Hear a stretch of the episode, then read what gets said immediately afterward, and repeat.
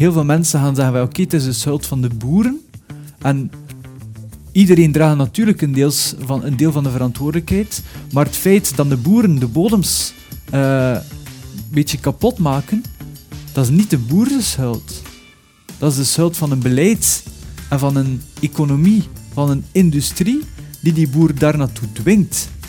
Dat is bijvoorbeeld een fabriek die belt naar die boer en zegt van hé, hey, ik wil dat je eh, binnen de vier dagen dat hier oogst en brengt naar eh, de fabriek, zodat wij dat kunnen verwerken tot diepvriesgroentjes of zo. En die boer zegt van hé, hey, maar mag ik nu niet oogsten? Mijn, mijn land is nat, het heeft net geregend. Als ik dat doe, maak ik mijn bodem kapot. En wat zegt, wat zegt die fabrikant dan? Ah ja, maar ja, geen probleem hè. Dan gaan we naar een andere boer. En die boer is dan zijn jaarinkomst kwijt, bij wijze van spreken. En op die manier staat die boer voor een keuze van ja, oftewel red ik mijn land, maar ik, uh, heb ik geen, geen inkomen dit jaar en kan ik mijn kinderen uh, een eten niet betalen, oftewel ja, ga ik dat hier toch maar gaan oogsten, waardoor dat land helemaal kapot is. Hallo, mijn naam is Peter Perceval. Welkom bij Keerpunt, een podcast over gewone mensen die buitengewone keuzes maken in hun leven. Mensen zoals u en ik, die geconfronteerd worden met uitdagingen, hindernissen, veranderingen in hun leven en die daarop buitengewone andere keuzes maken en vertellen over de manier waarop ze dat hebben gedaan, omdat het voor iedereen inspirerend kan zijn. Indien u nog meer van deze podcast wil zien en horen, kan u zich inschrijven op onze nieuwsbrief op www.inspiringspeech.be en ook kijken op Vimeo, YouTube, Spotify, Apple Podcast, Google Podcast en Soundcloud. Mijn gast in deze aflevering is Louis de Jager. Hij is landschapsarchitect en expert in voedselbossen. Afgelopen jaar schreef hij een boek dat heel wat wenkbrauwen deed fronsen. In We eten ons dood vertelt deze 28-jarige namelijk glashelder hoe we de voedselcrisis en een hoop ecologische problemen in één keer tegelijk kunnen oplossen. Dat hij dat allemaal al weet op zijn 28ste heeft te maken met een vrij radicale keuze die hij maakte op zijn 18e. Hij besliste op dat moment namelijk op pensioen te gaan. Niet dat hij op dat moment het geld voor het rapen had, maar hij besliste gewoon om de tijd die hij zou spenderen na zijn pensioen om na te denken over waar het met het leven naartoe kon gaan, om die dan al op te nemen vlak na zijn middelbare school. Louis maakte een wereldreis en tijdens die wereldreis ontdekte hij dat er naast een hoop ecologisch rampzalig nieuws ook nog echte hoop was om de planeet uh, te kunnen herstellen op een aangename manier. En daarover vertelt hij in deze podcast. Welkom Louis.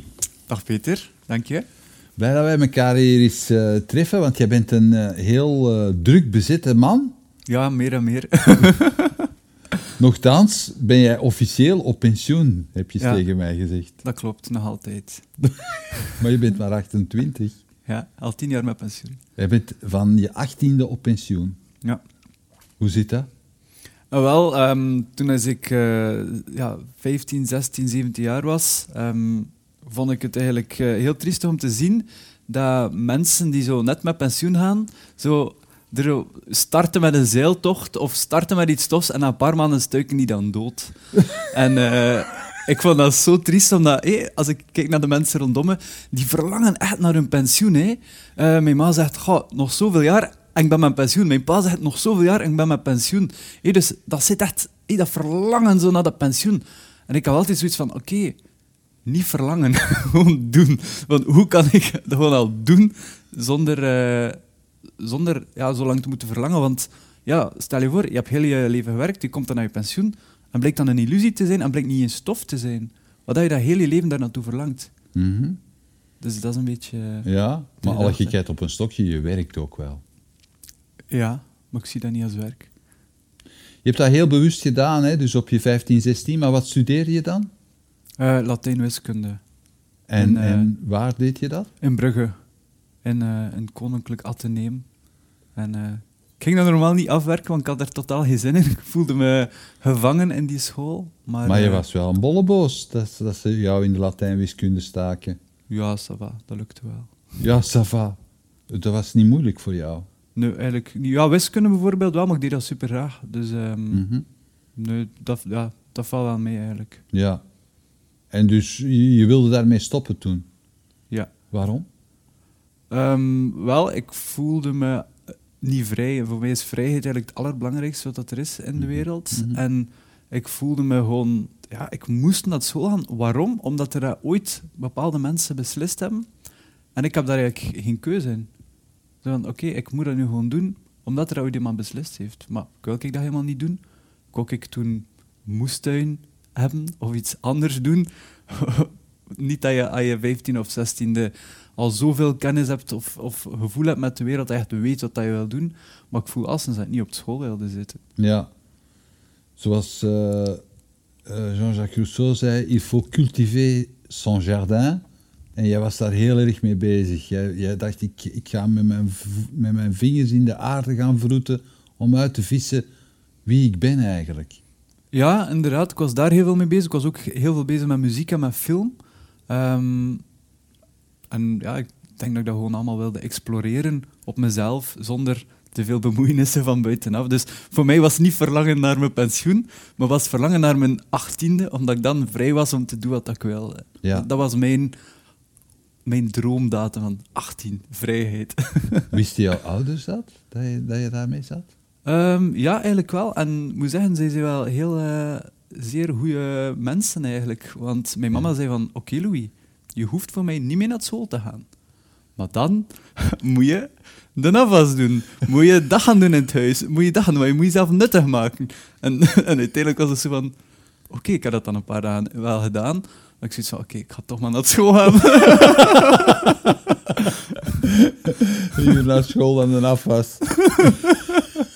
ik weet niet meer of het afwas was, maar het was wel, ja, ik moet zeggen, pedagogisch gezien 10 op 10 eh, voor haar methodes. Ja, moeder is ook een pedagoge zelf. Ja, ja, Ze- geeft inderdaad. les zelf. Ja, ja, ze heeft les aan eh UGent en ja, een paar, paar hogescholen. Is Of een hogeschool, oh, West, ja, Ja. dat is. En eh, je papa, wat deed hij? Mijn papa is architect. Oké. ehm, en ja, dat is iemand die, zo zegt, die dat redelijk loslaat. Van oké, doe maar wat dat jij wilt. Ehm. dus dat was wel... eh, Heb jij broers en zussen? ja, ik heb een zus. Een halfzus, ja. En? Is die- staat hij ook zo in het leven? Ehm, zij is eh, op dit moment ehm, via, de, via het tweede kansonderwijs, mag geen tweedehandsonderwijs zijn, ehm, haar middelbaar aan het afwerken. Dus, eh, Het is ook een atypisch parcours. Dat is de gevolg. ja, eigenlijk wel. Oké. Louis, maar je, je, je zegt dat nu gekscherend. Ik was aan het uitkijken naar mijn 18e verjaardag. Maar Ja. wat gebeurde er dan op je 18e verjaardag? En wel, ik moet zeggen, zo tegen de, ja, de helft van mijn vijfde middelbaar was dat dan zeker, had ik wel zo terug zo die motivatie om dat verder te blijven doen, ehm, mijn school. En begon ik ook gewoon in te zien, oké, ik kan hier ook wel het beste van maken. En daar heb ik ook echt wel het beste van. Ik heb echt nog fun gehad die laatste twee jaren. Ge- genoten van mijn vakken, genoten van de toffe leerkrachten die, eh, die rondliepen. En, eh, en eh, ja, ook wel wat gestort op film en muziek, dat ik Ja. zelf maak. En ook al ja, bezig geweest met gezonde voeding. Wat dat dan later in mijn leven wel enorm is teruggekomen. En, Waar kwam dat vandaan, die gezonde voeding? Maar ik vermoed dat het eh, vandaan komt van eh, mijn oma, Ja? die eh, een biodictator is. Biodictator. Die, maar op, een- op een goede manier, hè. het is een goede dictator. Ja. Die, nee, die gewoon echt zo heel, heel duidelijk is van niks dat niet bio is, komt mijn huis binnen. Ehm, ook qua, qua gezondheid is ze bezig met alternatieve medicatie voor alles en nog wat. Is dat de papa van je mama of van je vader? Dat is de, de mama van mijn papa, ja. Ah ja, de mama van... Sorry. dat is ook al verkeerd. Ja. De, de moeder van je vader. Ja, ja inderdaad. En, eh, en, en ja, dat is wel... Die, zon, ja, op latere leeftijd merk ik nu dat ze wel een enorme invloed heeft gehad. Omdat ik ook wel eh, ja, kijk van hoe kan je alles zo natuurlijk mogelijk oplossen. hè. Je voeding, ehm, ja, je verkoudheid hebt, wat moet je dan doen? Moet je een of ander chemisch middeltje nemen of kan je gewoon ja, met kruidenthee je behelpen of zo? Hè? Je hebt me ooit Dus, iets eh, verteld over haar levensverhaal. Dat is ook al... In hoeverre heeft dat een rol gespeeld? Want zij heeft een echt... Zij, zij is een Waalse vrouw, hè? Eh, ze is Vlaams, maar ze is, eh, ze is deels in Wallonië opgegroeid. Oké. Ja, ze is eigenlijk een heel moedig iemand, omdat ze een single mother was in Ja? die tijd. En dat was eh, ja, not done. Hè. Ze was niet getrouwd, ze had een zoon. En zij moest dus echt ja, ve- vechten voor haar brokken. Dus dat is iemand die zo heel onafhankelijk is. Heel, ehm, ja, ja, een beetje een vechter is. Hè. Die, Mhm. die eigenlijk een heel mooi leven heeft, heeft opgebouwd. En eigenlijk, ja, ga- niet zeggen alles aan haarzelf te danken, want een mens is, is geen eiland, maar is verbonden met heel de maatschappij. Dus heeft ze wel heel snel heel veel connecties gemaakt met mensen. En ja, dat is toch wel een heel mooi persoon. Eh, mijn oma, ja, ze, En zij, zij was eh, landbouwer ja. zelf op haar, op haar eigen. Nee, ze was eh, landbouwer bij haar, eh, als, als dochter, eh, als boerendochter. Mhm. Ehm, hielp ze mee ja, de koeien melken, boter maken. Mhm. Eh, dat was de beste boter van in de buurt van Chimay. Ze kwamen van mijlen ver om dat te kopen, zegt ze. Ehm, dus ze is daar heel trots op. En ehm, ja, nee, dan is, heeft ze eigenlijk een, een kinderdagverblijf begonnen in Brugge. In Brugge? Ja. Dus, eh, Hoe kwam ze daar terecht? wel, haar, haar roots liggen in, eh, in Zeebrugge en in Oké. Zeebrugge, Zeebrugge Blankenberge, daar ergens in de buurt. Mhm. En, dus dan, ja, ik weet niet hoe dat ze dan daar terecht gekomen is. Jouw papa kent zijn vader dan niet? Mijn papa kende zijn vader niet, tot dat ik daar veranderingen heb gebracht een paar jaar Oh. geleden. Ehm, door, door hem te gaan bezoeken. Ik wist dat er ergens een opa van mij rondliep. En dacht van ja, nu dat hij hier nog is, wil maar ik was die wel je oom- zien. had je oma dat wel gezegd wie het was? Ja, ja dat wel. Maar eh, ja, die hadden geen contact, omdat dat niet zo, eh, Mhm. die relatie niet zo harmonieus geëindigd is. Oké. En jij bent, jij bent die gaan zoeken. Ja, inderdaad. En wat, lijk je erop? Ja, eigenlijk wel. Uiterlijk... eh, die is ook zo, hè? Die, grootouders en kleinkinderen, Ja. die lijken enorm op elkaar. Ja, het is grappig om, om die ja, visuele... Die man is, denk ik, net ja, rond het 90 al. Ja. Ehm, maar inderdaad, visueel herken je wel dingen van jezelf, van mijn pa erin. Dus dat is eh, super grappig om te zien. En het is eigenlijk, het is eigenlijk net als een film. Hè. Ik, ben er naartoe geweest. ehm, die kerel, ik zei van... Hey, ik ben je kleinzoon. En die kerel... Ah ja, oké. ja, ik kon dat wel plaatsen. Dus eh wij daar naar binnen gaan, eh, daar eh, elkaar leren kennen. En, ehm, en dan een tijdje later eh, hebben ze ons eigenlijk uitgenodigd ehm, bij de familie. En dat was precies als in de films. Een kei lange tafel met superveel eten en zo. Prachtig huis in Wallonië.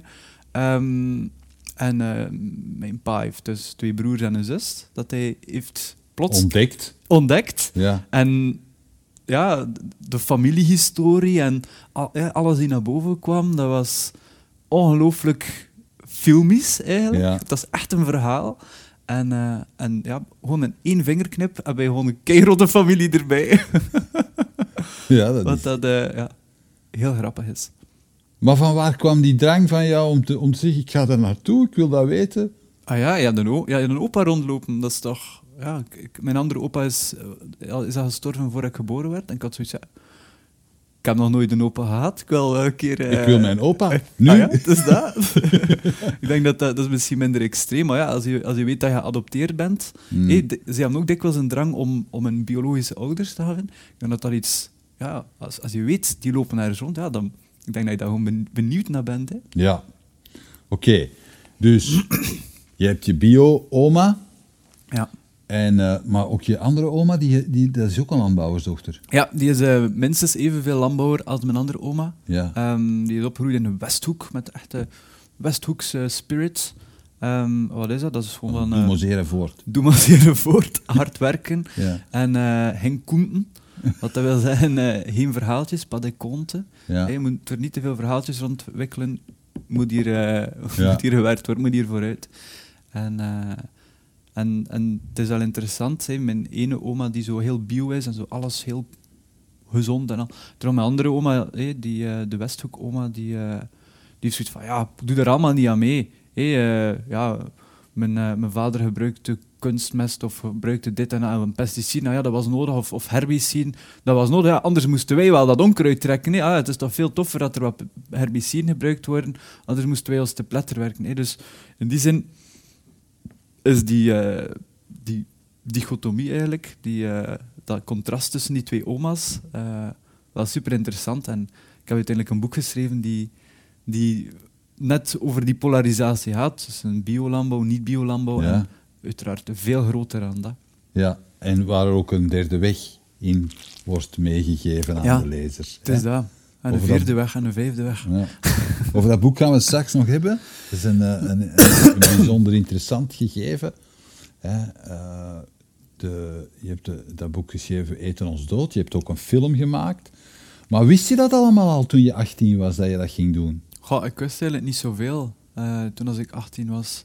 En ik denk persoonlijk dat ik niet de enige ben eh, of was rond die leeftijd. Ik denk dat er heel veel mensen, ze komen van een middelbaar en zo, oké, wat moet ik nu doen? Ah ja, ik moet eerst tot mijn 18 in het zoten en nu moet ik verder gaan studeren. Of ik moet nu een beroep gaan vinden.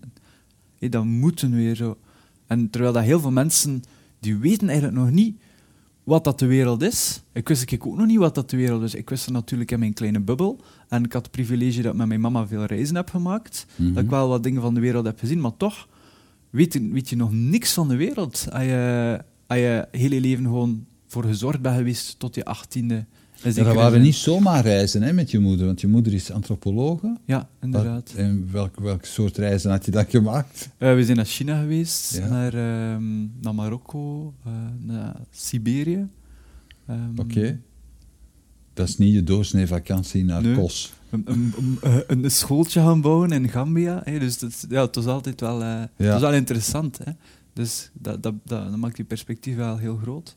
Ja. Ehm, eh, en maakt jezelf ook nederig, hè, omdat je ziet van oké, we zijn hier niet de enige op deze planeet met een bepaalde visie. Maar hoe oud was je dan als je dat soort dingen deed? Zoals een schooltje bouwen in Gambia. Hoe oud, hoe oud was je dan? Goh, 13 jaar ongeveer. Oké. Ja. Ja, dat zijn wel eh, straffe levenslessen, denk ik. Op die leeftijd. Voor mij ja, dat was redelijk normaal, omdat Ja. op dat moment, maar inderdaad, dus, eh, dat is ja, super, super dankbaar dat ik dat eh, heb meegekregen. Maar ja, wat ik dus wil zeggen, van, als je 18 je weet van niks, en ik denk net gewoon door eventjes weg te gaan. Het is het verhaal van de, de, de hero with a thousand faces, van oké, je bent als mens, je start in je huis in een, in een, in een wereld, en dan plots eh, moet je op stap gaan. In The Lord of the Rings is- vertrekken ze ook Ja. op avontuur. Eh, om, om, wa- waarom hadden mensen op avontuur? Waarom heb je een film? Net omdat je mensen moet tegenkomen op je pad, moet je een of andere draak verslaan of zo, om dan jezelf te leren kennen wie dat je bent, om dan terug naar huis te keren als een getransformeerd mens. En ik, ja, ik zou echt ja, super tof vinden, moest iedereen die, die daar zin in heeft, als die acht jaar is, gewoon de kans krijgen om, om dat te kunnen doen. Een jaar zichzelf gaan verkennen. De, de Amish doen dat ook, die een keer aan Ja. die 18 jaar zijn. Mhm. Moeten die eventjes zichzelf gaan zoeken? Mogen ze naar een stad gaan en alles wat dan niet mag binnen de Amish community, mogen zij dat wel doen? Om dan te zien, oké, ja, leg mijn, leg mijn leven in die, in die community, of wil ik misschien toch iets met elektronica gaan doen, of zo? Ja, zie maar, ik, eh, ik speel altijd zo'n beetje advocaat van de duivel in dit Ja. soort gesprekken. Dus ik zie, in plaats van de kijkers of de, de luisteraars, zeg ik dan nu van, ja, maar met welk geld deed je dat dan? Dat is een heel goede vraag. En eh, ik heb eh, redelijk wat studentenjobs gedaan, mijn vrienden ook. Ja, Ehm, dus wij hadden eigenlijk wel een, mooie, mooi spaarcentje eh samengeraapt. Ehm, en wij hebben eigenlijk echt geleerd hoe je kan overleven met, met weinig tot niks. oké. En, we zijn naar Amerika gegaan. We hebben daar een, een, een Mobile Home gekocht van 30 jaar oud. Ehm, waar, waarin dat we gewoond hebben eigenlijk. Dus, onze, ja, Dus dat was het plan. We, we gaan naar Amerika, Ja. we kopen een mobile home en we gaan daar rondtrekken. Ja, inderdaad. Ehm, ja, ons plan was gewoon, oké, we willen gewoon... Ja, de West is de best, hè.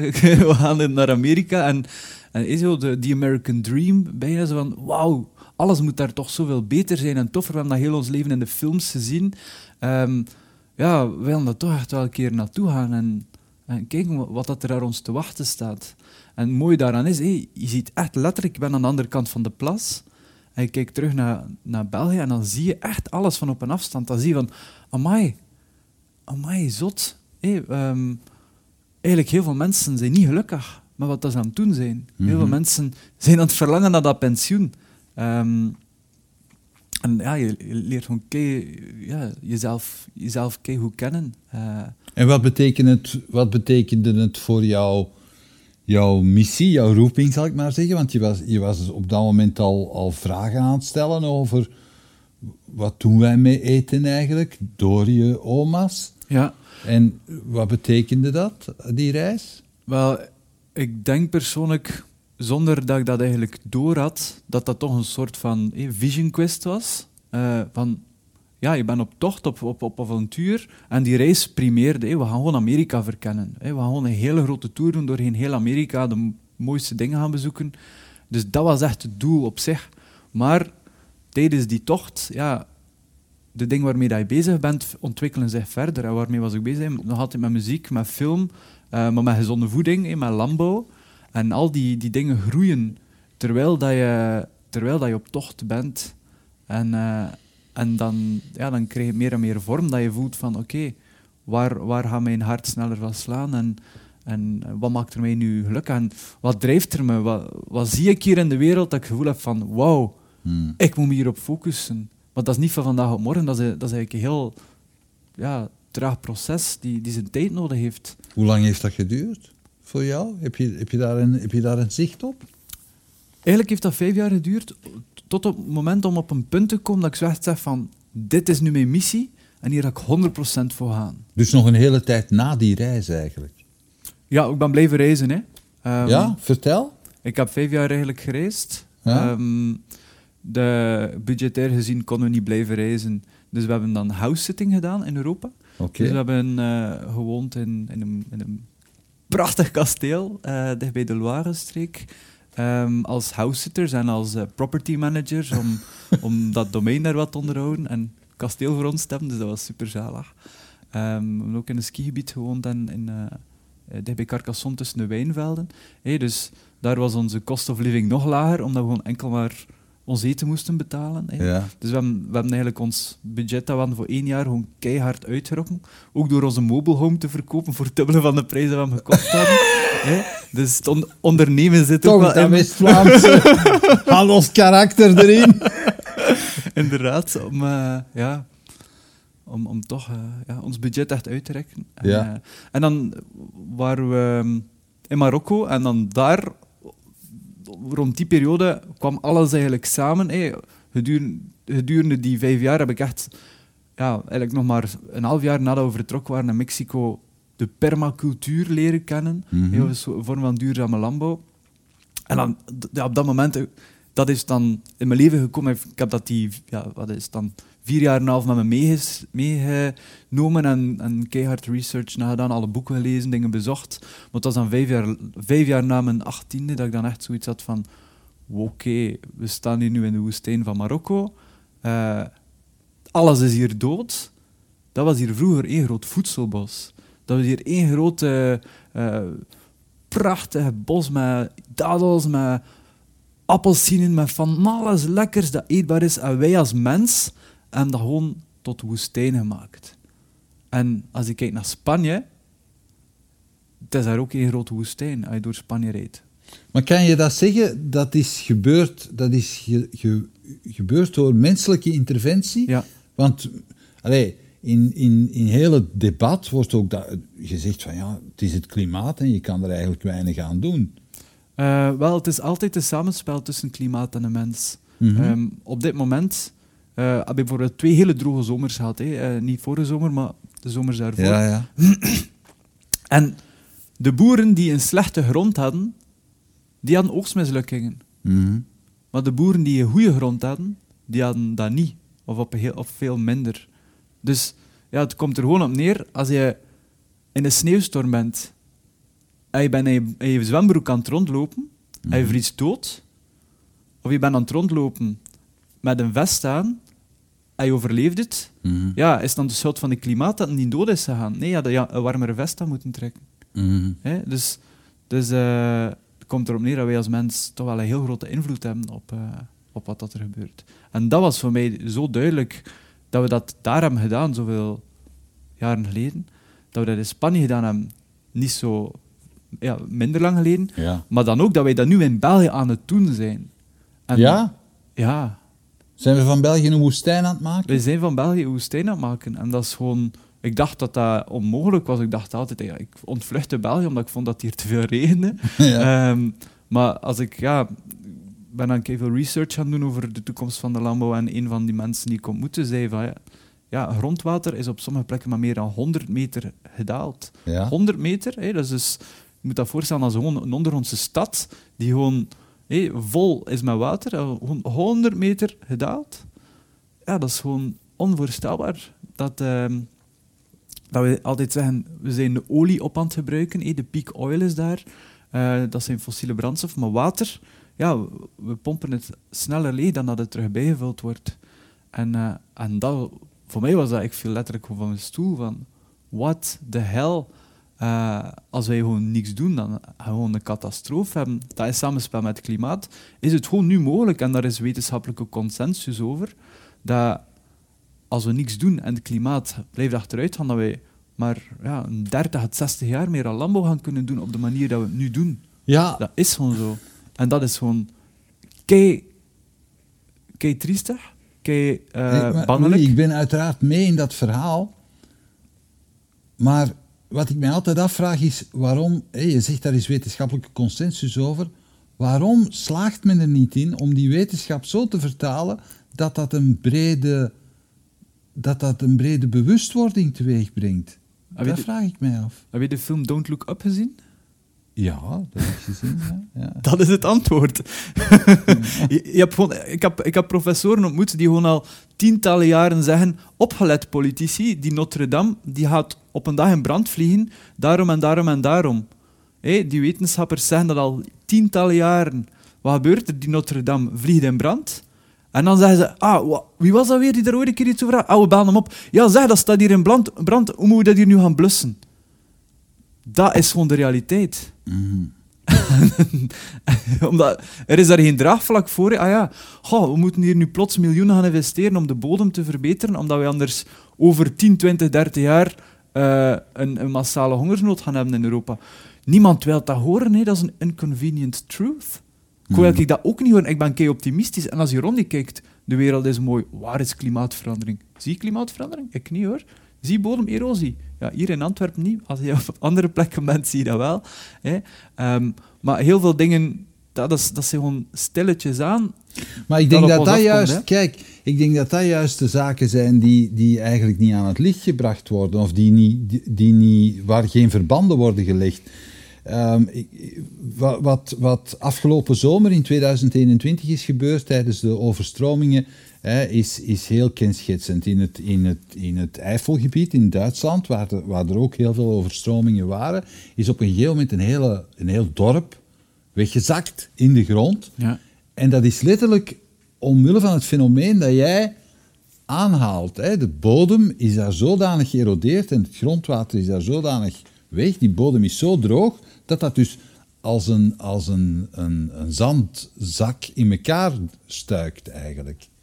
Ja, dat is inderdaad... Maar een- dat wordt nergens niet gezegd. Waarom staan er op dat moment geen mensen op die zeggen van... hé, hey, Die mensen staan wel op, maar het wordt- daar niet naartoe geluisterd. Hè. Als, je, als je omringd bent, bijvoorbeeld, op, ik zeg maar iets op LinkedIn, ben ik geconnecteerd met heel veel bodemwetenschappers of, eh, of mensen die met regeneratieve landbouw bezig zijn. En als je, als je hun, hun nieuws, hun Mhm. persoonlijk nieuwsblad volgt, dan, eh, ja, dan, dan ben je ervan op de hoogte. Maar dat is in een bepaalde bubbel dat dat zit. Maar de mainstream, die, die is geïnteresseerd in brood en spelen. Ehm, dus ja, dat komt daar niet op. En again, ik vind die film Don't Look Up een van de beste films die de laatste tijd gemaakt zijn. Omdat dat, dat toont gewoon wat dat de realiteit is. En ja, het is niet, je maakt jezelf echt niet populair hè, met, eh, met doemberichten eh, te, te verkondigen. Niemand wil dat gewoon horen. Dat is, dat is gewoon zo. Ja. Ja, er zijn nogthans religies die daarop gebouwd zijn. Je moet nu je best doen, want anders... Ja, dat is waar. Maar, maar vandaar ook dat ja, ik, ik probeer altijd eh, te focussen op de mooie dingen die mogelijk zijn. Hè, en, want alle, al, al die grote doemdingen die ons eventueel boven het hoofd hangen, die zijn echt allemaal op te lossen. Het is heel simpel. De Ja. oplossing is super simpel. Ehm, en super mooi ook.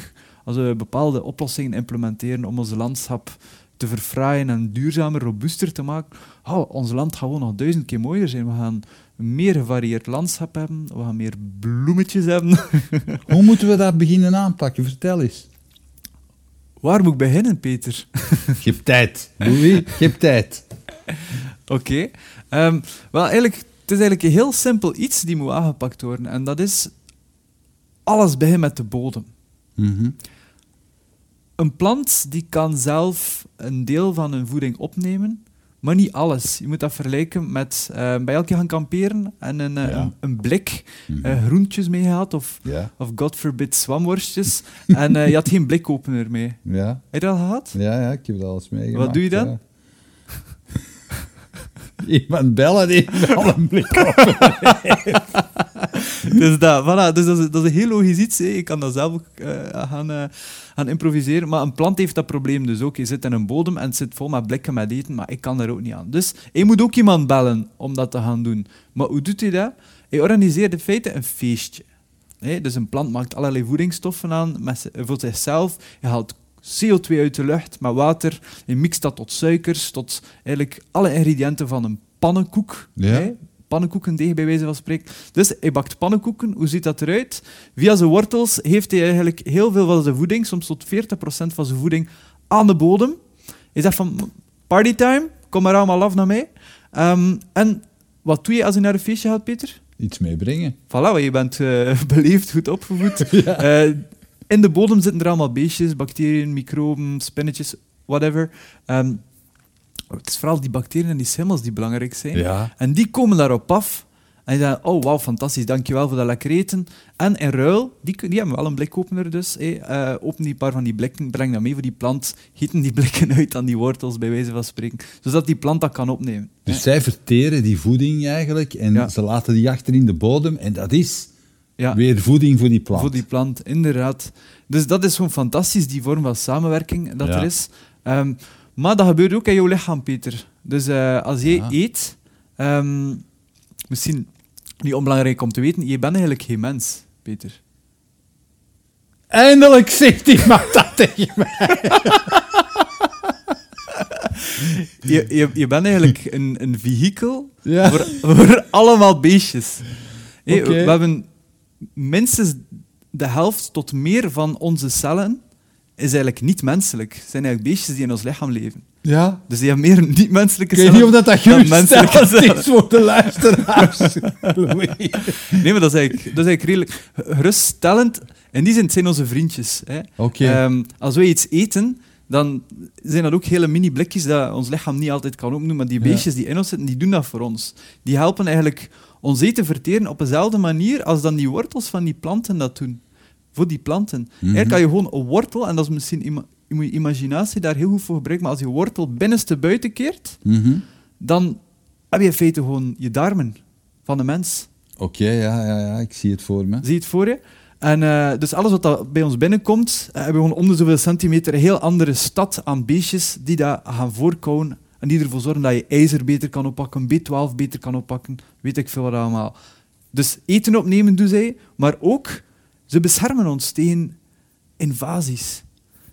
De, in de bodem bij die planten ge- gebeurt net hetzelfde. Die schimmels zeggen van, kijk plant, ik ga jou beschermen tegen slechte schimmels in ruil voor eten. Je kan dat bijna zien als een soort bodemmafia. De bodemmafia. die, eh, Volgens mij moet jij een tekenfilmserie schrijven. dus die, die schimmels zeggen van, kijk, ik ga jou beschermen als ik protection money van je krijg. Hè. Ja. in de vorm van eten. hè. maar dat gebeurt dus ook in ons lichaam. hè. Dus, dus al die, die beesten die in ons lichaam zitten, die, die beschermen ook die darmwand. Als die, als die bescherming weg hebt, dan heb je zo'n leaky gut. Hè. Ja. Eh, je hebt dan gewoon lekken daarin, waardoor dat er allemaal Mhm. slechte dingen daar, daarin kunnen gaan. En waardoor mensen echt medische zware problemen Voilà. krijgen. Hè? Ja, ja. Exact. En dat is in feite ons tweede brein eh, die hier zit. Mhm. Eh, onze, on- onze darmen. Da, da- daar, depressies hangen daarmee samen. Chronische ziektes hangen daar enorm mee samen. Hè? Dus eh, als je gezonde darmen hebt, ehm, dat is een van de beste remedies tegen chronische ziektes. Of, of het hangt daar toch enorm eh, mee samen.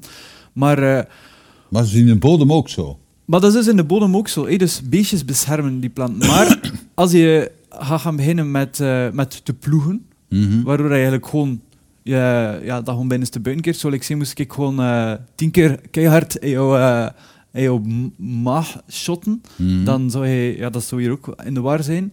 Ehm, of met een mes misschien zo nog. Of gewoon veel antibiotica geven. Ja, inderdaad. Mhm. Eh, en dat gebeurt dan met pesticiden. Ehm, die beestjes vinden dat niet leuk, hè? pesticiden. Mhm. Die gaan daarvan dood eh, en die gaan weg. Ehm, maar hetzelfde ook met chemische meststoffen. Dus wat, wat, wat doen wij? Wij gaan eigenlijk McDonald's voedsel op de grond gaan, eh, gaan gooien. En die planten hebben niet gemakzuchtig. Ze zeggen, ah oké, va, hier, ik ga dat hier allemaal nemen. Moet geen feestje meer geven. Exact. Ik ga, ik ga het gewoon zo krijgen. Dus fastfood is het begin van asociaal gedrag eh, in, eh, in de bodem.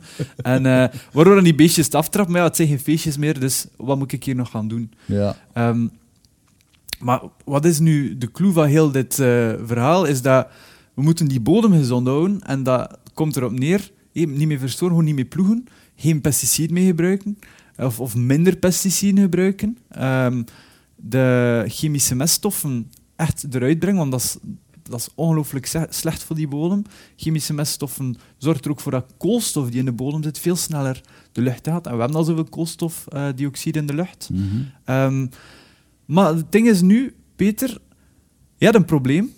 Ik heb een probleem. Iedereen die hier naartoe luistert heeft een probleem. Die beestjes die hier allemaal in zitten, die zijn het ook af aan het trappen uit ons lichaam. Oké. En die, die worden niet meer aangevuld. Maar de vraag is, van waar komen die beestjes? Hoe komen die in jouw lichaam terecht? Door te eten. Inderdaad, door te eten. Hm. Maar hoe komt dat nu dat dat niet meer via ons eten in ons lichaam komt? Ja, omdat er veel verkeerde beesten overal de kop op zitten. Ik bedoel, je hebt al eens een koffiekoek uit de Lidl zo geanalyseerd wat dat daarop zit. ja. Ja, onlangs nog een keer eh, daar inderdaad van geproefd. Dat, ja, maar ik doe dat beter niet. Eh, eh, nee, inderdaad, het komt er eigenlijk op neer dat doordat die bodems van, eh, van ons landschap niet meer vitaal zijn en geen leven meer zit, ja, wor- worden die planten ongezond. Eigenlijk vergelijk ik met een, met, een, met een zandbak, Peter. Ik geef jou een zandbak cadeau, ik geef je een paar zaadjes cadeau. En ik zeg nu, oké Peter, kweek daar nu een keer carootjes in. Gaat er nu een keer wortels in kweken? Gaat dat lukken? In een zandbak? Denk het niet. Oké, Allee, je denkt er vanaf welk zand dat erin zit. gewoon zandbakzand. Nee. Ja. Dus wat ga je doen? Ah, maar ik ga het heel veel water geven, ik ga dat meststoffen geven, dat gaat dan misschien een beetje groeien, maar het gaat niet goed groeien. Dus die Hmm. wordt ziek. En dan gaan ze beginnen pesticiden spuiten, omdat zieke planten moeten aangevallen worden. Dat survival of the fittest. Zo zit de natuur gewoon in één. Waardoor dat we eigenlijk die vicieuze cirkel hebben. Onze bodems worden... Wacht eens even. Terug. We spoelen twee zinnen terug. Je zegt, zieke planten moeten aangevallen worden, want dat is de survival of the fittest. Dat gaat zo in de natuur. Ja, De, en jij zegt dan van ja, er, maar als we zien dat zo'n plant ziek is, dan gaan we er pesticiden op, op spuiten. ja. Waardoor dat we dat beschermingsmechanisme eigenlijk afbreken. ja, inderdaad. Dus die plant die wordt ziek omdat hij gewoon in een slechte bodem staat. En uiteraard, als boer willen wij die planten redden, dat is logisch. En want anders, ja, als we die niet redden, dan hebben we geen eten. Dus we gaan een symptoom gaan oplossen, dat ze aangevallen worden, die planten, Mhm. eh, doordat ze gewoon stuntelig groeien en makkelijke prooien zijn. Ehm, en daardoor gaan we pesticiden gaan spuiten om die aanvallers te gaan doden. Maar daardoor gaat die bodem nog meer achteruit, waardoor het die nog meer meststoffen nodig heeft, waardoor die planten nog minder gezond groeien, waardoor er nog meer pesticiden nodig zijn. En dat, dat wordt helemaal herhaald. Maar dat is wel iets dat wij gaan oogsten en gaan geven aan onze kinderen, opdat die vitaal en gezond kunnen worden. Hm. Hè? Oké Louis, maar je zei daarnet, de oplossing is eigenlijk eenvoudig. Ja, En nu heb je de afgelopen zes, zeven minuten bezig geweest over het probleem. inderdaad. Dus wat is de oplossing Maar dan? eerst moet je een probleem schetsen vooraleer dat je ja, kan ja, tonen wat, ik dat ben er, al helemaal van overtuigd. wat dat er opgelost moet worden. De oplossing En is... ik zal ook geen koffiekoeken uit de Lidl mee. dus de, die sponsordeal met de Lidl, die kunnen we vergeten. Helaas. Ehm, dus de oplossing is heel simpel. Wij moeten die bodem herstellen Ja? en tegelijkertijd gaat ons lichaam daardoor veel vitaler worden, omdat we dan wel voedsel gaan eten waar al die goede beestjes in gaan zitten. Ja. En op die manier herstellen we de bodem, wortel, darmconnectie. En dat is eigenlijk een cyclus dat we moeten herstellen, want wij gaan dingen eten. ehm, en dan kan je het cirkeltje rond gaan maken. Maar hoe gaan we die bodem nu herstellen? Dat is door regeneratieve landbouw. Wat is dat regeneratieve landbouw? Dat is landbouw die in feite aan landbouw doet. We gaan land gaan bouwen. We willen eigenlijk ons land opbouwen. De natuur heeft er miljoenen jaren over gedaan om eh, aarde te vormen. Vroeger was dat hier een rots met heel veel vijven en zessen is dat vruchtbare aarde geworden. Wij kunnen als boeren dat gewoon sneller gaan herstellen dan dat de natuur het zelf kan. En hoe gaan we dat gaan Sneller. Sneller, inderdaad. Door de juiste technieken te gaan doen. En hoe gaan we dat gaan doen? Dat is, ehm, we moeten af van percelen die zoveel hectare groot zijn waar dat er niks anders staat behalve die gewassen. We moeten daar bomen gaan integreren in ons landschap. Want vroeger was Europa één grote mozaïeklandschap. Mhm. Hé, we hadden stukken bos, Mhm. we hadden weides en alles wat dat daartussen was. De bosrand wordt dat genoemd. En het is net op de marge dat het interessantste is. Hetzelfde in de maatschappij. Op de marge heb je de meeste interessante dingen die gebeuren. Ja. Ehm, en wij hebben nu een landbouw die eigenlijk een babylandbouw is. Ah, je, hebt dat, je hebt baby's gehad, hè? ja, twee. Als je, dat, je moet daarvoor zorgen hè, voor baby's. Amai, ja. Eh, als je dat niet doet, dan is een baby een vogel voor de kat. Ja. Hè? Je moet daar dag en nacht mee bezig zijn. Mhm. Met de, met de landbouw is dat net hetzelfde. Baby-natuur of baby-landbouw, dat is, je moet daar constant mee bezig zijn. Je moet Mhm. dat pamperen. Hè? Maar wat is nu volwassen natuur? Laat baby's opgroeien. Laat gewoon een veldje niks. Eh, je moet er niet op ingrijpen. Wat, wat gaat er gebeuren als je gewoon een veldje hebt, gelijk waar in de natuur hier in België, Ja. en je laat dat twintig jaar maar rust? Wat gebeurt er? Oh, daar komen bloemetjes op, bomen. Wilgen waarschijnlijk gaan daarop beginnen groeien en zo. Ja. Dat wordt eigenlijk een bos. Ja. Als we hier niks doen, dan wordt dat eigenlijk één groot bos. Mhm. Dat is eigenlijk de volwassen versie van de natuur. Mhm. Dus telkens wanneer wij gras gaan, eh, gaan maaien eh, of de, in de landbouw gaan ploegen eh, voor eenjarige gewassen, want alles wat dat we eten komt van eenjarige gewassen, wat dat wil zeggen dat als je dat oogst, komt dat niet meer terug, Mhm. omdat dat, dat is baby. Ja. Ehm, en het komt erop neer dat we nog altijd baby's mogen hebben. Ik heb niks tegen baby's, absoluut niet. Maar moeten ze niet opeten. Eh, Wij eten baby's op. ja, maar dat, The invasion of the baby snatchers. Ehm, komt erop neer dat we weer die gezonde mix moeten hebben van enerzijds, ja, babynatuur, ik wil nog altijd frietjes kunnen eten, nog altijd mijn brood kunnen eten op basis van graan. Dat zijn dingen dat ik niet wil afstaan. Ehm, ik denk dat er veel mensen daarover nadenken. Maar we moeten meer richting die volwassen natuur, want het zijn dat die bossen die ons beschermen tegen klimaatverandering, die ons beschermen tegen overstroming. Als het heel zwaar regent, dan gaat het water afgeremd worden door die bodem, zodat minder snel dorpen gaat overstromen. Dat soort Omdat die bodem juist veel vaster wordt. Voilà, exact. Mhm. en, eh, en het ding is ook, Peter, ik weet niet of je een betere investering kent dan dat, maar als, ik, als hij vandaag een okkernotenboom in de grond steekt, dan ga je achter, achterkleinkinderen daar nog altijd ieder jaar noten van krijgen. Ja. Dat kost één keer 50 euro voor die boom, een kwartiertje werk om die te planten. That's it.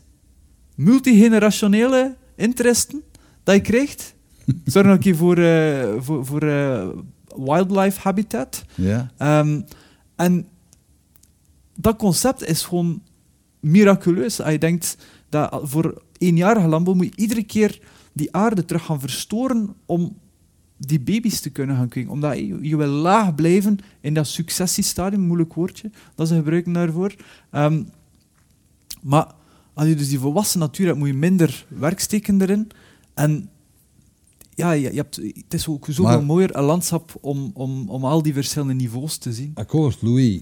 Eh, ik, zie, ik zie het beeld voor me, maar we hebben wel 7 miljard mensen te voeden. Dat klopt.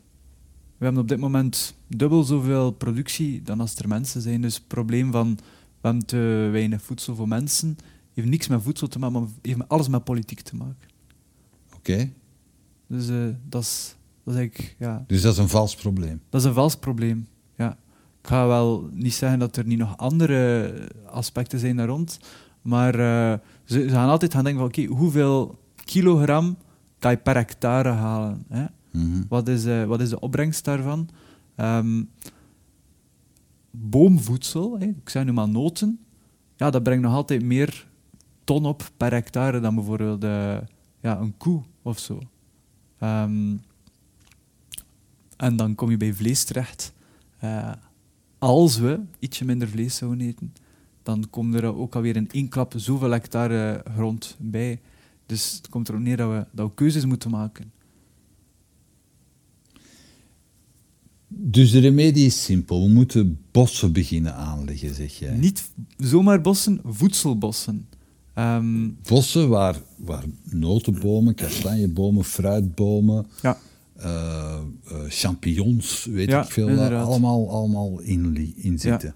Dat klopt. En we mogen daar ons Struiken ook, waar, waar vruchten aan hangen. Eigenlijk, je, je moet gewoon maar een keer naar een bos gaan. Dat is, een, dat is, een, dat is het ultieme ecosysteem. Hè. Ehm, je moet dat niet gaan bewateren, niet gaan bemesten. Het is er altijd cool in de zomer. Mm. Ehm, dat, is, eh, dat, is, ja, dat bruist daar van het leven. Dat zijn de grootste bouwwerken die wij als mens zelf niet eens kunnen nabouwen, een boom. We snappen nog altijd niet hoe dat een boom in elkaar zit. Ehm, dus dat is gewoon een, ja, een fantastisch ecosysteem. En dat moeten wij gewoon vertalen naar de landbouw. Ook al die verschillende lagen die in een bos komt, vertalen naar ook die voedselbosrand. En zeg ik dat we al de landbouw gaan moeten schrappen om die enkel voedselbossen te gaan aanleggen? Zeker niet. Eh, want we hebben net die gezonde mix nodig. En ondanks dat dat ehm, een belangrijk ingrediënt is, gaat dat ook een positief effect hebben op die babynatuur. Hè, eh, granen die in een agroforestry systeem staan, wat dat een moeilijk woordje is voor boslandbouw, die, die, gaan, die gaan veel gezonder zijn dan de granen die gewoon in een, in een veld staan. Ja, als je, ook, eh, je hebt zo'n bekend eh, voorbeeldje van door eh, verschillende landgebruiken naast elkaar te gaan zetten, dat je eigenlijk ook land wint. Bijvoorbeeld als je gewoon 1 hectare eh, gewassen hebt Mm. en een half hectare bos, dan heb je 1,5 hectare nodig. Mhm. Als je die bomen van die half hectare op die 1 hectare zet, dan heb je evenveel productie. En hoe zit het dan met...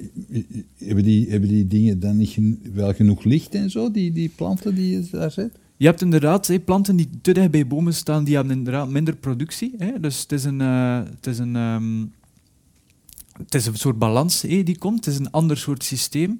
Eh, maar gewoon eh, over het algemeen bekeken is het, eh, is het een positievere outcome dan moest je ze apart gaan zetten. Dus het komt erop neer dat we veel meer verschillende landgebruiken moeten mengen met elkaar. Eigenlijk gewoon diversiteit. Wij, wij, wij, wij gaan alles in kotjes gaan plaatsen, maar we moeten net omgekeerd gaan doen en dingen gaan mengen met elkaar. Hetzelfde met, met bijvoorbeeld monoculturen dat wij nu gaan gebruiken. Overal, waar het enkel maar graan, dat is vragen om een probleem. Want als er één graantje wordt opgevreten door een diertje, ja, dan gaan ze gewoon allemaal eraan. Maar als je een polycultuur hebt van allemaal verschillende soorten eh, planten, Mhm. weer die diversiteit, dan, eh, dan wet je niet je eitjes, eh, stik je niet je eitjes in één mand, maar in verschillende mandjes. Ehm, en dan, eh, dan heb je een, een veel vitaler vorm van landbouw. Dat is niet te technisch allemaal. Nee, nee, nee, nee. Ik ben gefascineerd door wat je zegt over die lagen. Hè? Je zegt een bos, dat is een bos dat wordt opgebouwd in lagen. Ja. Hoe, hoe werkt dat dan? Hoe werkt dat dan? Wel, we beginnen met de, met de toplaag. Hè, en ehm, dat kan bijvoorbeeld een, een okkernoot zijn. Hè. Die, eh, die worden supergroot. Die geven eh, heel veel, eh, heel veel voeding. Ja. Een, een, een tweede vorm van de toplaag is bijvoorbeeld een, een hoogstam appelboom. Hè, die, Ja. is, die, die is niet zo groot als een okkernootboom, maar toch nog hoog. maar is dat ook het eerste wat je dan zaait als je zo'n bos maakt?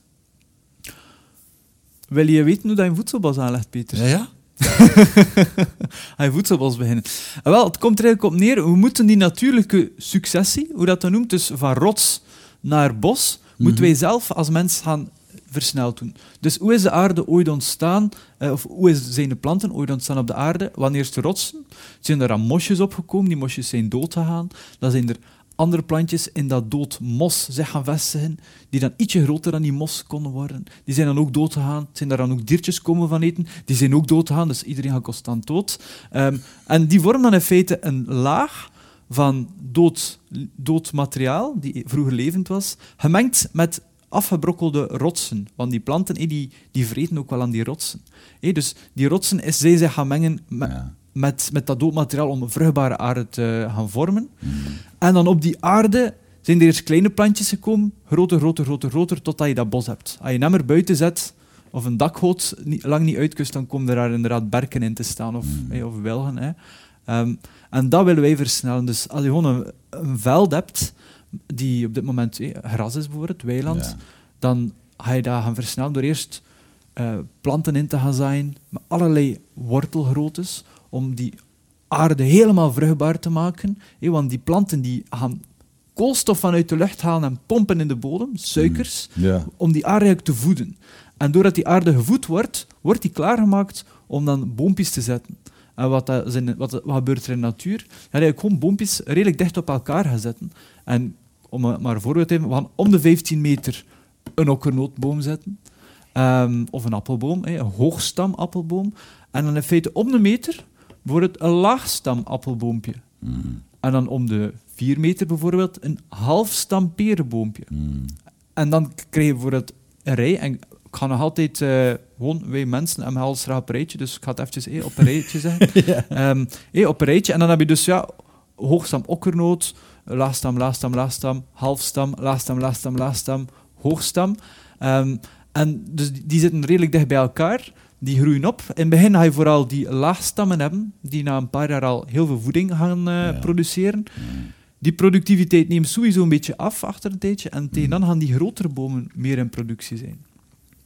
Maar je hebt niet enkel maar laagstam, halfstam en hoogstam. Dat zijn eigenlijk gewoon die verschillende hoogtes van boompjes. Maar je hebt er ook nog struiken naast staan. Mm. Die eigenlijk vanaf het jaar 1 al framboosjes, besjes Ja. en al geven.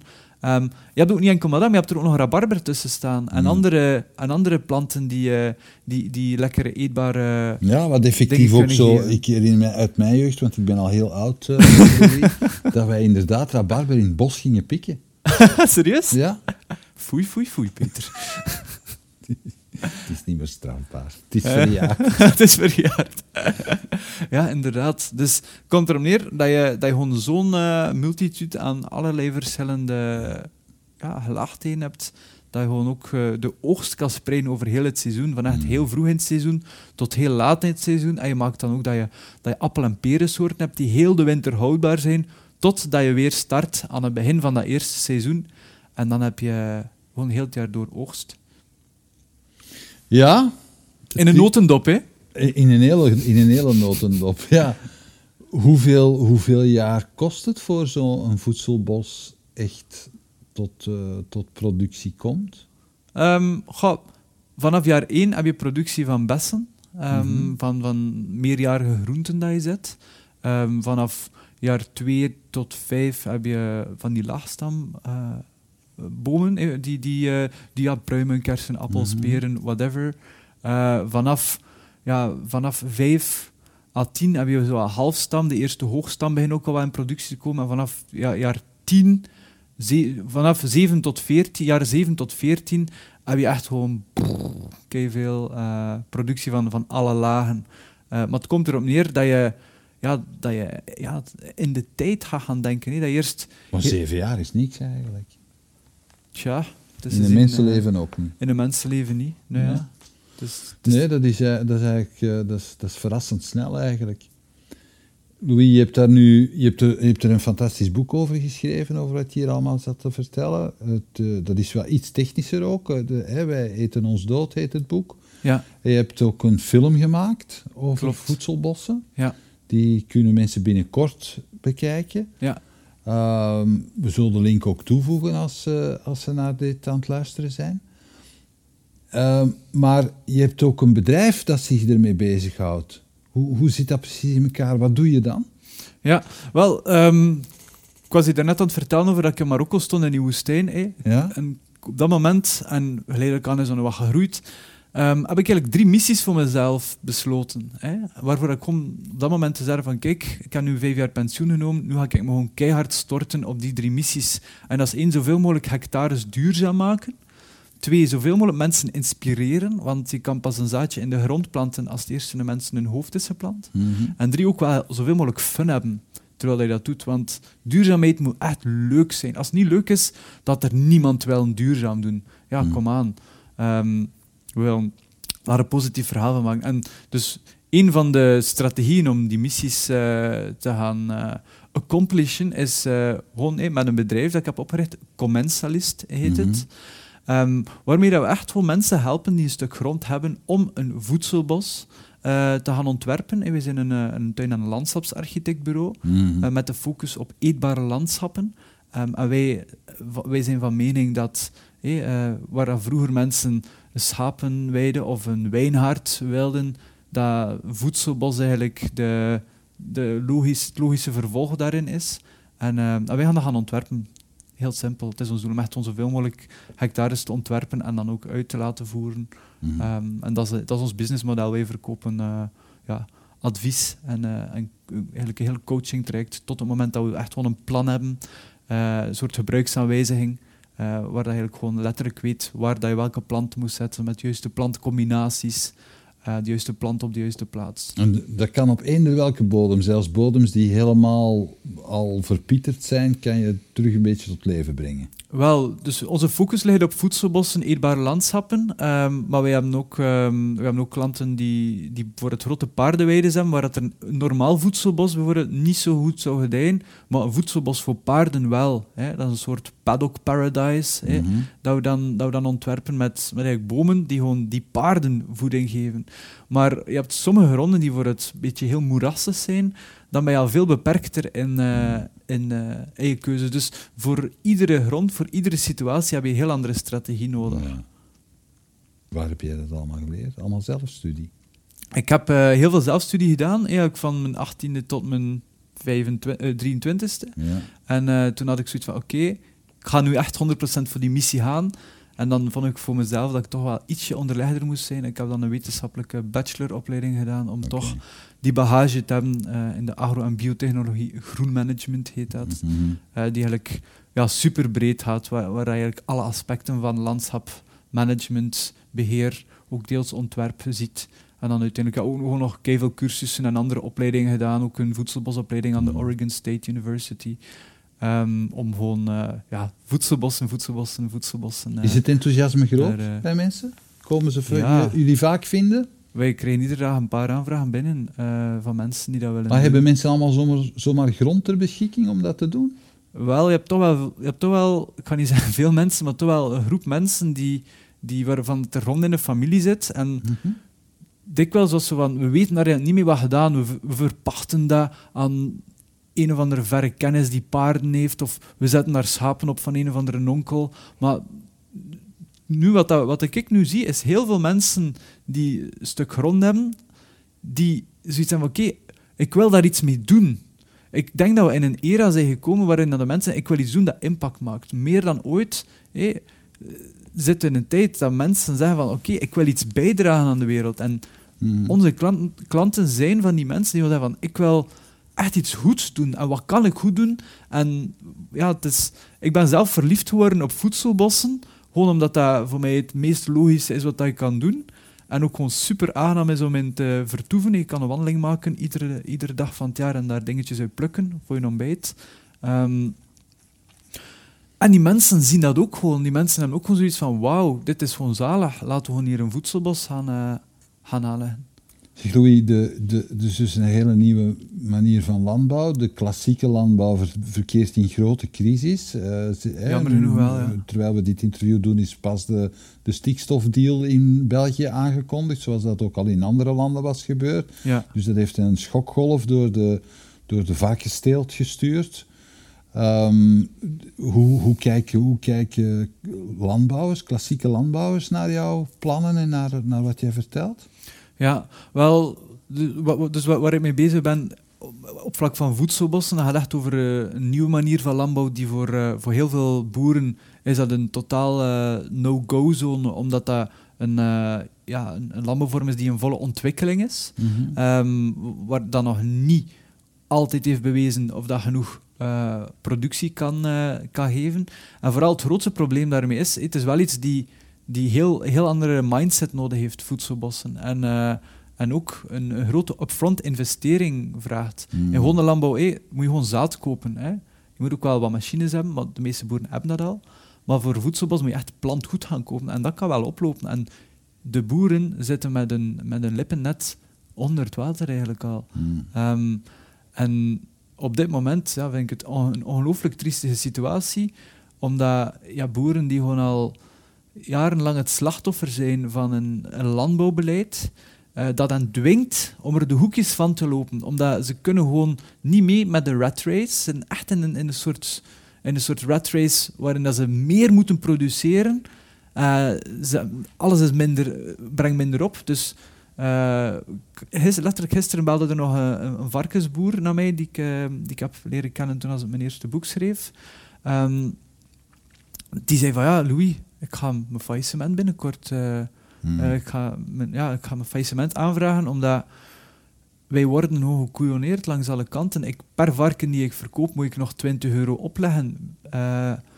het is gewoon totaal, totaal één grote waanzin. En heel veel mensen gaan zeggen, oké, okay, het is de schuld van de boeren. En iedereen draagt natuurlijk een, deels van, een deel van de verantwoordelijkheid. Maar het feit dat de boeren de bodems uh, een beetje kapot maken, dat is niet de boeren schuld. Dat is de schuld van een beleid en van een economie, van een industrie die die boer daar naartoe dwingt. Mm dat is bijvoorbeeld een fabriek die belt naar die boer en zegt van hey, ik wil dat je uh, binnen de vier dagen dat hier oogst en brengt naar uh, de fabriek, zodat wij dat kunnen verwerken tot diepvriesgroentjes of zo. En die boer zegt van, hé, hey, maar mag ik nu niet oogsten? Mijn, mijn land is nat, het heeft net geregend. Als ik dat doe, maak ik mijn bodem kapot. En wat zegt, wat zegt die fabrikant dan? Ah ja, maar ja, geen probleem, hè. Dan gaan we naar een andere boer. En die boer is dan zijn jaarinkomst kwijt, bij wijze van spreken. Hmm. En op die manier staat die boer voor een keuze van, ja, oftewel red ik mijn land, maar ik, uh, heb ik geen, geen inkomen dit jaar en kan ik mijn kinderen uh, hun eten niet betalen. Oftewel, ja, ga ik dat hier toch maar gaan oogsten, waardoor dat land helemaal kapot is. Waardoor je dan ja, nog grotere ploegen nodig hebt om die aarde terug los te gaan maken. Dus op dit moment is de boer gewoon het slachtoffer van een beleid die alles goedkoper wilt, sneller wilt, waardoor dat de Amerikaanse get big or get out leuze hier in Europa aan het gebeuren is. De kleine boertjes vliegen eruit. Er is een enorme brain drain, want alle kennis gaat daarmee verloren. En het zijn de grote die het allemaal opkopen. Dus we gaan naar een systeem toe dat we gewoon enkele reuze mastodonten van bedrijven hebben. En ja, de kleine die boertjes... Die het eten monopoliseren eigenlijk. Die, het eten monopoliseren en die inderdaad gewoon... Wat, kan, wat kan je daar als, als consument aan doen? Ik heb wel eens buying is voting, is een van de dingen die in jouw boek staan ja, ook. zeker en vast. Wat, wat, wat, hoe, hoe, hoe moeten we dan voten? Ja, uh, wel, in plaats van die boterkoek en Lidl te kopen, zou je beter gaan kijken, maar okay, is er niet ergens een lokale bakker die dat hier bakt met granen van een boer in je buurt? Mm. Die boterkoek gaat misschien dubbele kosten van de prijs, maar Peter, je zou misschien beter maar één boterkoek kopen in plaats van twee. Um, Dank u, Louis, voor deze tip. gratis dieetadvies. en um, hey, ik zeg het ook tegen mezelf hoor. um, hey, en hoe, hoe kan je gewoon gaan kijken naar één, oftewel boeren vinden die echt bezig zijn met die bodem te herstellen, bezig met al landbouw te doen, hey, die, dat land op te bouwen, oftewel gaan kijken naar, naar boeren. Voor het stel nu voor, Peter. Hey, gewoon in de straat met, met 50 mensen. Uh, je gaat overal gaan aanbellen. Het is maar, uh, het is maar puur hypothetisch. Je gaat overal gaan aanbellen en zeggen: Oké, jullie kopen allemaal per jaar, laat zeggen, toch zeker 50 kilo patat. Mm -hmm. Doe ik je 50 maal, laat zeggen, 20 mensen dat je vindt. Dan heb je ton aardappel. Hè? En dan kan je voor het naar een boer gaan en zeggen: Kijk, boer wij willen sowieso wel één ton aardappelen kopen van jou, um, als je dat op een dure manier gaat doen. Of, of je kan ja. het gaan kijken van, hoe kunnen we dat gaan doen? Hey, we willen zelf misschien zelf dubbele betalen van de prijs, zodat je extra uh, tijd hebt om dat op een andere manier te gaan doen. En op die manier start je eigenlijk een revolutie of sponsor je eigenlijk de, revolutie. En wat is het grote hekelpunt van, van landbouwers die, die dikwijls met mij bellen? Um, dat ze dat zeggen, ja, oké, uh, Louis, dat is allemaal heel goed en wel dat je nieuwe bedrijven helpt opstarten. Hey, voor het eh, in voedselbossen of uh, CSA-bedrijf, Community Supported Agriculture, uh, of, of, of, andere soorten nieuwe bedrijven. Maar het zijn net de bestaande bedrijven die we moeten helpen transformeren. En daar ben ik het 100% mee eens. Hey, en in plaats van een nieuw bedrijf op te starten, keer de eerste keer naar een boer in de buurt. Misschien kan je mm. samen met hem of met haar wel een transitie maken. Hey, want jij hebt misschien, Peter, businesskennis en die marketingkennis. Terwijl dat die boer dat misschien niet heeft. Um, maar samen vormen jullie wel een goed team. Hè? En dan investeer je misschien wat geld of tijd, of ga je afnemers gaan zoeken, hè? Ehm, een bakkers gaan zoeken die je granen willen kopen van die boer, of hè, je, bent goed in, eh, in, in netwerken en connecties Ja, ja. leggen met mensen, eh, waardoor dat je in feite die win-win kan creëren en mee die boer helpen die transitie maken. Want, want uiteindelijk, het is echt een zwaar beroep, je boer zijn. Je moet constant gaan focussen eerst op dat gewas hier gaan telen, maar al die klimaatverandering, daar, eh, daar nog altijd eten uit je veld gaan toveren. En dan komt er nog een heel beroep bij om dat te gaan verkopen. En boeren hebben daar dikwijls de mentale ruimte niet voor. En waardoor ze dan gewoon de speelbal worden van, een, van opkopers die gewoon aan bodemprijzen zeggen van ah, hier die patatten, eh, ik had het hier aan, eh, aan 10 frank de kilo kopen van je. Eh, bij wijze van spreken. En, ehm, dus Louis, je, je bent geweldig gepassioneerd. Dat is fantastisch om te, om te zien en om mee te maken. Je bent nu 28. Ehm, als je jezelf nu zo tien jaar geleden zou tegenkomen, zou, wat zou je zeggen tegen jezelf? niks. Niks? Doe maar voort. Ja, ik zou wel- ja, want alles wat ik heb tegengekomen, eh, Ja. heb ik, eh, heb ik, ja, heb ik tegengekomen gewoon door, door, door wie dat ik toen was. Dus ik ben, ben wel dankbaar met wie dat ik nu ben. Misschien één iets dat ik, dat ik misschien wel dan al als een zaadje zou planten in, in mijn hoofd van toen, grenzen. Hoezo? Eh, wel, dat, eh, dat ik voor een persoonlijk merk dat ik de laatste, ja, de laatste jaren, sinds dat ik begonnen ben met die missie, heb ik me gewoon... Ja, ik heb mijn pensioen gehad van vijf jaar, waardoor ik het gevoel heb dat een pensioen maar een illusie is dat je najaagt. Dat Ja. dat niet per se nu de ideale wereld is, waardoor ik zeg van, oké, ik ga me 100% daarop storten, waardoor ik gewoon de laatste jaren ehm, van ja, s ochtends tot gewoon middernacht heb keihard doorgewerkt Ja. mezelf te pletter heb gewerkt om voor mijn missie te gaan. Waardoor ik nu het laatste jaar wel merk van oei oei oei, dat is niet, eh, ik kan dat toch niet followen. Niet. Ehm, en dus ja, persoonlijke grenzen, maar ook hey, ehm, je wilt iets goeds doen. Heel veel mensen rondom je zien van ah, die, die wil iets goeds doen, die heeft precies zoveel energie. Hey, misschien wil hij zich wel engageren om dat te helpen organiseren, om dat te helpen organiseren en dat te helpen. En tuurlijk wil ik je dat doen, want dat is mijn missie. Dat wil ik doen. En dus ik zeg op alles ja, ik doe dat dan allemaal. Maar dan, dan ja, werk je zelf echt gewoon letterlijk te pletter. Je moet het op een gegeven moment ook kunnen in hun handen geven. Ik bedoel, jij kan zeggen, ik kan de weg wijzen, maar Ja. zij verwachten dan waarschijnlijk dat jij het ook doet. Ja, het is dat. En, Ja. eh, en in die zin ben ik, ja, is dit het woordje van 2022 voor mij, van, eh, van grenzen, maar echt op alle vlakken. En eigenlijk, als je kijkt in de wereld, wat loopt er allemaal mis? Als je rondkijkt in de wereld, dat is echt gewoon grenzen die niet gerespecteerd worden. Eigen grenzen niet, grenzen van andere mensen, landgrenzen op dit moment. ja, ja. Ehm, en eh, ja, dat, dat is, ik kende dat woordje vroeger, eh, vro- vroeger niet wel grenzen van andere mensen, daar, daar was ik me wel bewust van. Maar vooral grenzen van mezelf, op al die... pff, kan ik dat niet grenzen? Wat, wat is dat? ja. Eh, Waardoor je dan ja, toch ook al een beetje ja, energie verliest, eh, levensenergie verliest, omdat je ja, dan soms ook dingen doet die, eh, dat, je, ja, dat, je, dat je gewoon te veel van jezelf eventjes heeft. Ja. Bedankt Louis voor dit eh, fantastisch gesprek. Ik onthoud dat ik een beestje ben. Allee, een heleboel Een beestjes. schattig beestje. Ja, dat heeft nog nooit iemand tegen mij gezegd. Bedankt. Wanneer kunnen we die film zien? Wel, eh 15, ja, eigenlijk vanaf de lente van 2022 komt de Voedselbos, Voedselbos documentaire uit en ietsje later de, het Voedselbos ontwerpboek. Ja. Het tweede boek die gaat over hoe dat je het zelf gewoon kan ontwerpen. Oké, allen daarheen. Bedankt. Graag gedaan. Bedankt dat je keek naar deze aflevering van Keerpunt. Wil je op de hoogte blijven van nieuwe afleveringen en nieuwe interessante gasten? Abonneer je dan op onze nieuwsbrief via www.inspiringspeech.be. Iedere twee weken brengen wij een nieuwe aflevering online op inspiringspeech.be, YouTube, Vimeo en Soundcloud. Tot ziens.